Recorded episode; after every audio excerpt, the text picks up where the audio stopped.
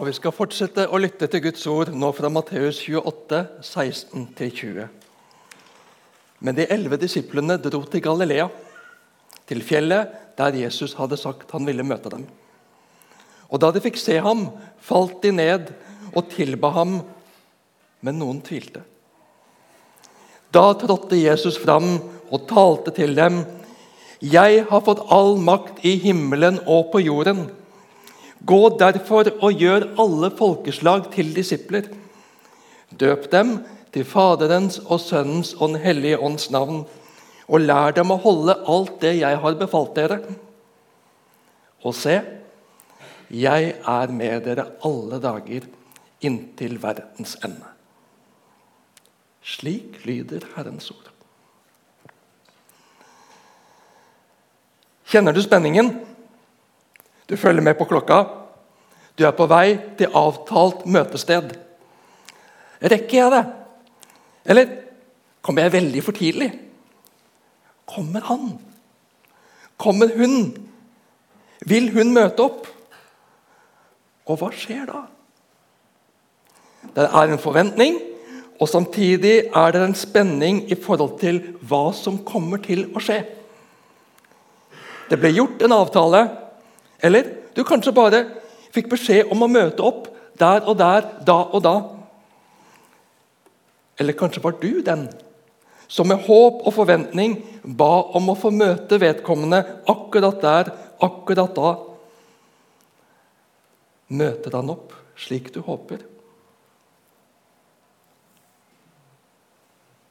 Klarte du å Jeg tror ikke jeg trenger den. jeg. Det er den jeg bruker, er det ikke det? Ja.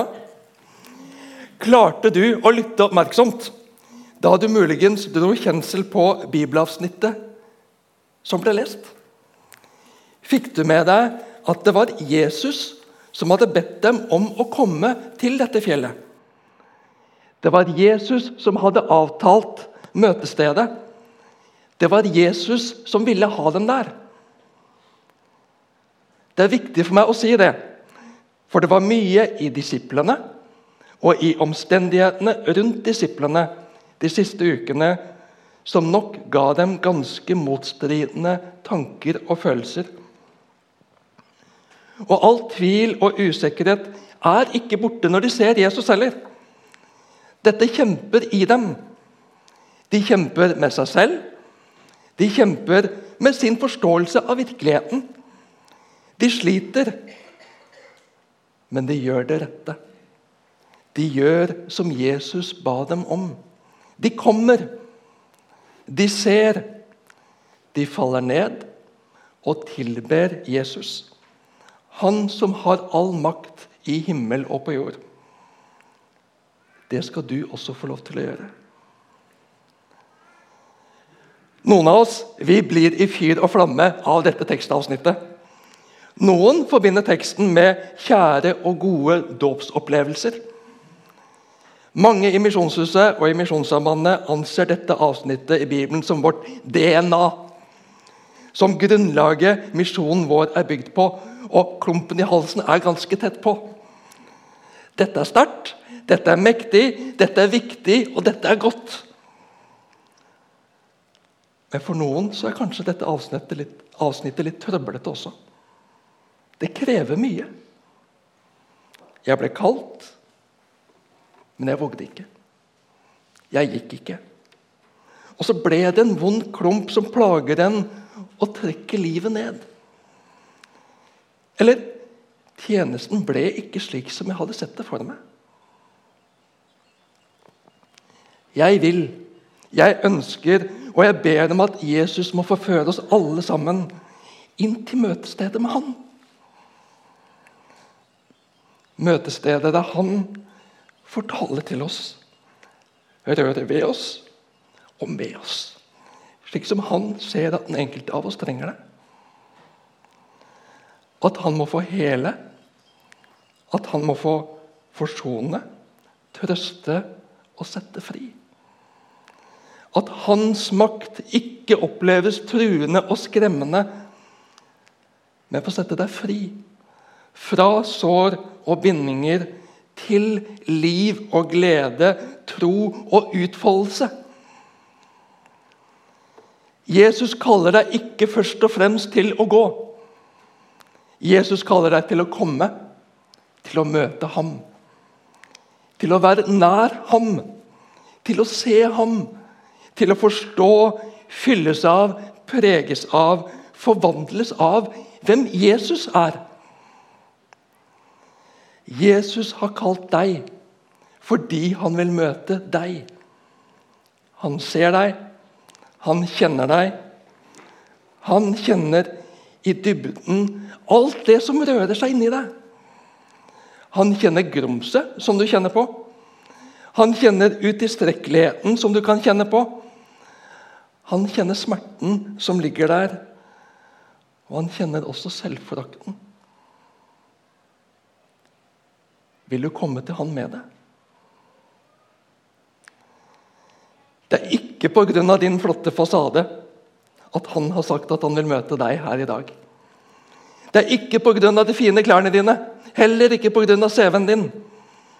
Det er ikke pga. lang, tro tjeneste Jesus har sagt at han vil møte deg her i dag. Det er fordi han har noe viktig, noe avgjørende han vil vise deg.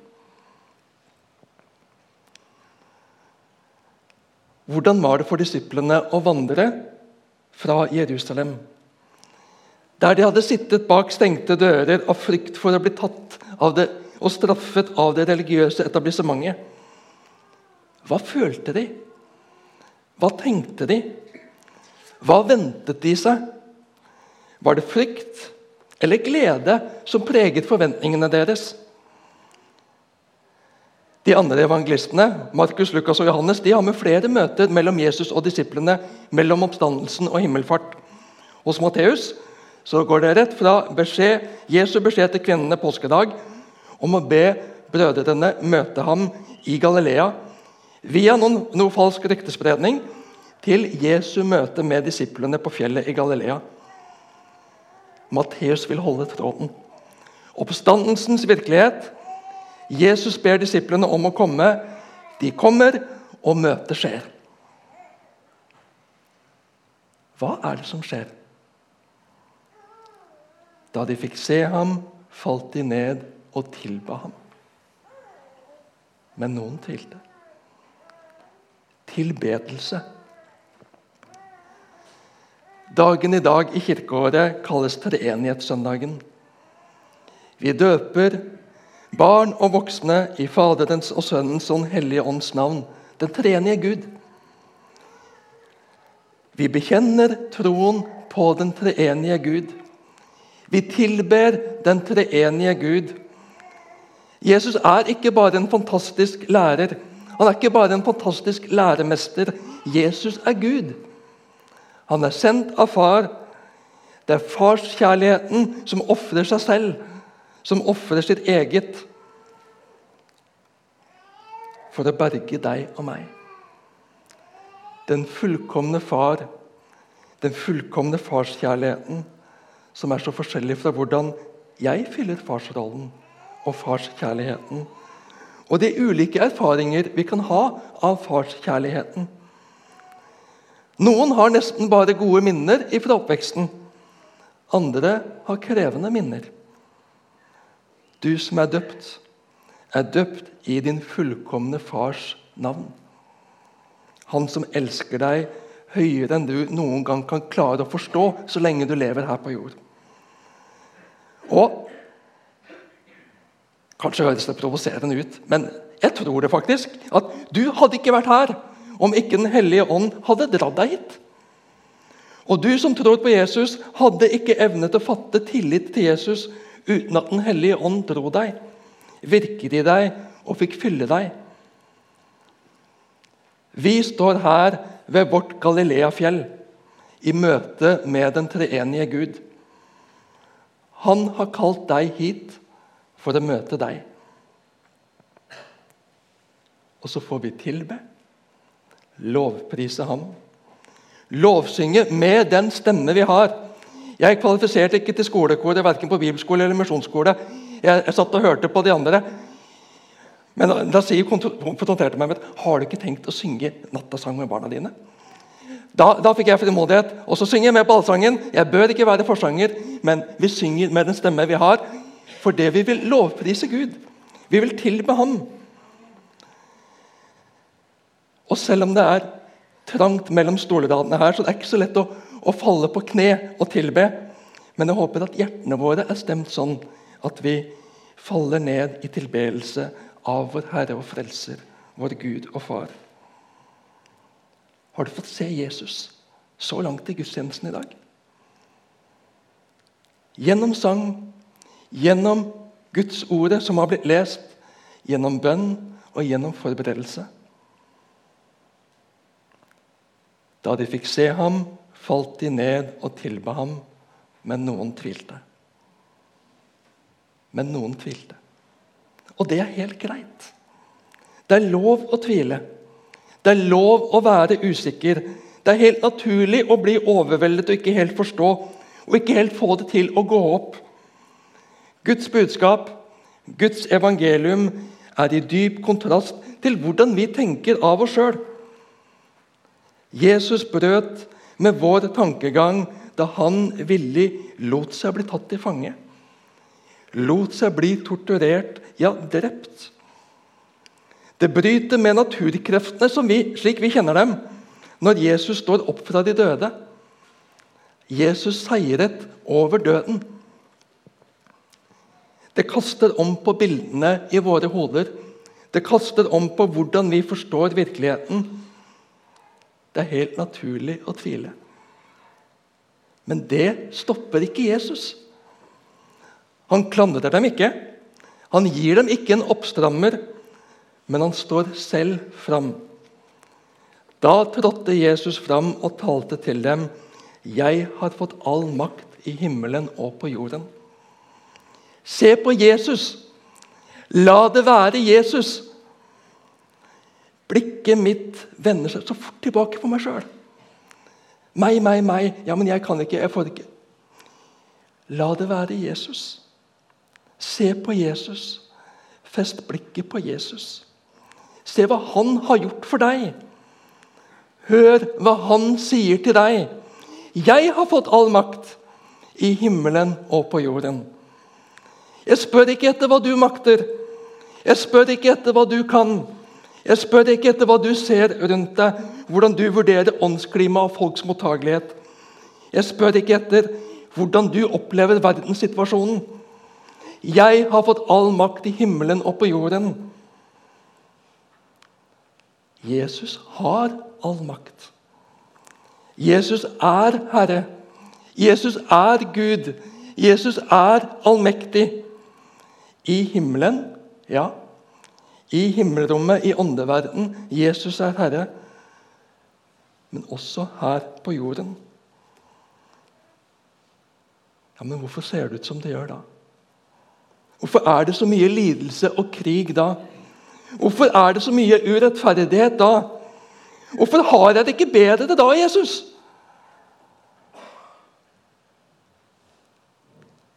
Kjærligheten tvinger ikke. Kjærligheten overstyrer ikke. Men kjærligheten setter grenser. En dag skal Jesus si stopp til all lidelse, krig og urettferdighet. Men grunnen til at han ikke har gjort det ennå, er at vi urettferdige skal få en siste mulighet til å skifte side. En siste mulighet til å omvende seg, til å ta imot tilgivelsen og bli frelst. Derfor sa Jesus til sine disipler da, og til oss som kaller oss ved hans navn, altså kristne nå Jeg har fått all makt i himmelen og på jorden.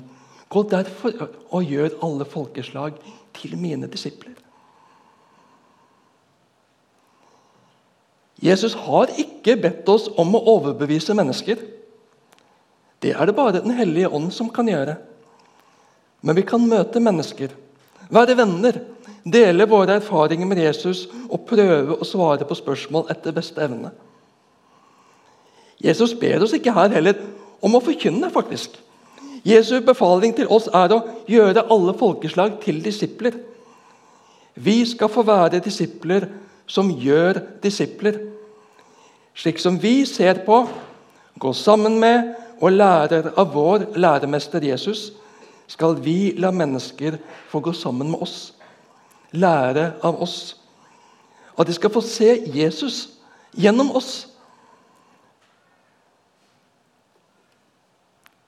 At vi lever tillitsvekkende liv. Liv som reflekterer den kjærligheten vi har fått ta imot av Jesus. Liv som peker på Jesus. Liv som leder dem videre til Jesus.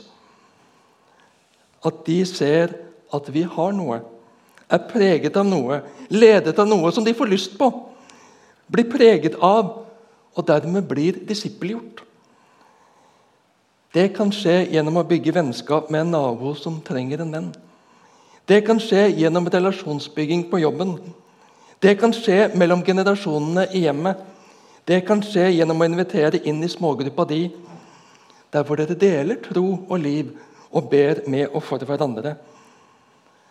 La mennesker få se hvordan du lever med Jesus. La mennesker få se disippelliv i praksis. Et disippelliv som vekker nysgjerrighet. Et disippelliv som vekker tillit. Et disippelliv som har en tiltrekningskraft. Ikke fordi du er fullkommen, ikke fordi du har alt på stell, men fordi de får et glimt av relasjonen du har til Jesus, og hva det gjør med deg. Det handler om hverdagslivet. I de relasjoner vi har, og de relasjoner vi søker. Har du plass til flere mennesker i ditt liv? Har du plass i hjertet, så du rydder plass i kalenderen til en nyinnflyttet, om vedkommende trenger å bli kjent i området eller bli kjent med kultur og språk? Har du tid til de menneskene du har i livet ditt? Eller trenger du å velge noe bort som frigir tid? Tar sosiale medier tid som du egentlig kunne tenke deg å bruke med mennesker ansikt til ansikt? Drar hobbyer og interesser deg bort fra mennesker? Eller gir de deg anledninger til gode møteplasser som du søker å gripe. Så er vi forskjellige som mennesker. Noen er mer utadvendte, og andre er mer innadvendte. Og vi får lov til å være de vi er. Vi må ikke bli en annen personlighet eller en annen mennesketype for å være en Jesu disippel. Men vi lever i en tid og i en kultur hvor ulike mekanismer gjør at flere og flere blir ensomme. Det er ikke godt for noen av oss, uavhengig av mennesketype. Hvordan kan vi dreie i en annen retning, uavhengig av mennesketype, som Jesu disipler? Om vi har en liten omgangskrets eller en stor omgangskrets, leve så nær Jesus at det merkes på våre omgivelser så er vi fortsatt i den situasjonen. Selv nærmere 2000 år etter at Jesus ga oss befalingen om å gå og gjøre alle folkeslag til disipler, så er det som vi hørte i videoen, veldig mange folkegrupper i verden som ikke kjenner Jesu navn. Som ikke har fått høre, ikke har fått anledning til å ta imot budskapet om at de har en far som elsker dem. At de har en far som inviterer dem inn til seg til tilgivelse, til nytt liv. Noen må være villige til å flytte på seg. Noen må være villige til å krysse landegrenser og kulturgrenser for å være en Jesu disippel i et annet land, i en annen kultur, med et annet språk. Har du spurt Jesus i det siste hvor han vil ha deg? Vi har utsendinger som er disipler og søker å gjøre disipler i Japan. Og som nevnt, som kommer til Norge og Kristiansand på ferie i slutten av denne måneden. Da skal vi få et gjensyn med dem. De er våre utsendinger. Vi er på lag. Vi er et team sammen. Og vi har et ungt ektepar i vår menighet som planlegger å flytte til Harstad i sommer for å bo, virke, være og gjøre disipler for Jesus der. Vi har ikke lyst til å ta avskjed med dem, men det skal vi heller ikke gjøre. Vi sender dem. De er våre utsendinger til Harstad. Vi er med dem i bønn, følger med på hvordan det går, oppmuntrer og støtter dem og viser at vi er sammen med, med dem om dette. Vi her og de der. Så kan vi etter hvert sende flere for å styrke teamet, om det blir aktuelt. Vi kan reise og besøke dem. De kan komme hit og fortelle hvordan det går. Vi er sammen i tjenesten, uavhengig og på tvers av geografi. Vi får være med på noe stort. Vi får være med og leve og dele noe stort. Vi har en far som inviterer sine bortkomne barn hjem til seg. Vi har en frelser som har ryddet veien for enk hvert enkelt menneske. Ingen er så langt borte at ikke Jesus kan frelse dem. Den hellige ånd søker og kaller på de mest overraskende plasser. Tidligere denne uka fikk jeg høre om en i Nord-Afrika som har vært alene kristen i 15 år. Noe hadde blitt sådd, som hadde fått spire og gro og bli til nytt liv. Men forholdene i området gjorde det svært sårbart å være kristen. Men nå, etter 15 år, hadde han blitt forent med kristne søsken i landet og fikk oppleve et kristent søskenfellesskap for første gang. Gå derfor og gjør alle folkeslag til disipler. Døp dem til Faderens og Sønnens og Den hellige ånds navn, og lær dem å holde alt det jeg har befalt dere. En Jesu etterfølger som vekker nysgjerrighet, som vekker tillit, som kan vokse til tro, og en ny etterfølger blir til. Disipler som gjør disipler, som lærer opp som får innlemme i det kristne fellesskapet, innlemmes i det kristne fellesskapet gjennom dåp. Vekst og forankring i evangeliet i relasjon til Jesus i Guds ord. Jesus inviterte deg inn til denne møteplassen i dag. Hva sier han til deg? Hva peker han på for deg? Hva levende gjør han for deg? For Jesus er fortid ingen hindring. Det er rett og slett inspirerende å studere disippelflokken slik Bibelen tegner dem for oss. Så forskjellige. Og Forskjelligheten gjorde at de kunne gå litt i tottene på hverandre iblant. Forskjeller og ulikt tankesett og ulike preferanser fører gjerne til det. Men det var ingen hindring for Jesus, og det var ingen hindring for dem. Jesus spør ikke etter dine kvalifikasjoner. Jesus inviterer deg først inn til seg. Til å bli Guds barn, til å bli Jesu disippel. Og så sender han deg ut for å gjøre disipler. Men han sender deg ikke alene.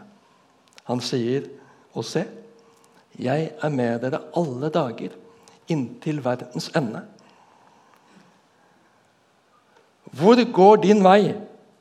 når du reiser deg fra denne stolen når gudstjenesten er slutt? Hvor går din vei i ettermiddag, i morgen, i dagene, ukene, månedene og årene som kommer? Inviter Jesus til å vise deg det. Jesus står der med sine naglemerkede hender. Merker som beviser hans kjærlighet til deg og til alle mennesker og alle slags mennesker de viser hvor mye du og de betyr for ham. Hvor mye om å gjøre det er for ham at du skal bli berget. At de skal bli berget. Nå har vi muligheten. Nå har han har befalingen, gitt befalingen til oss.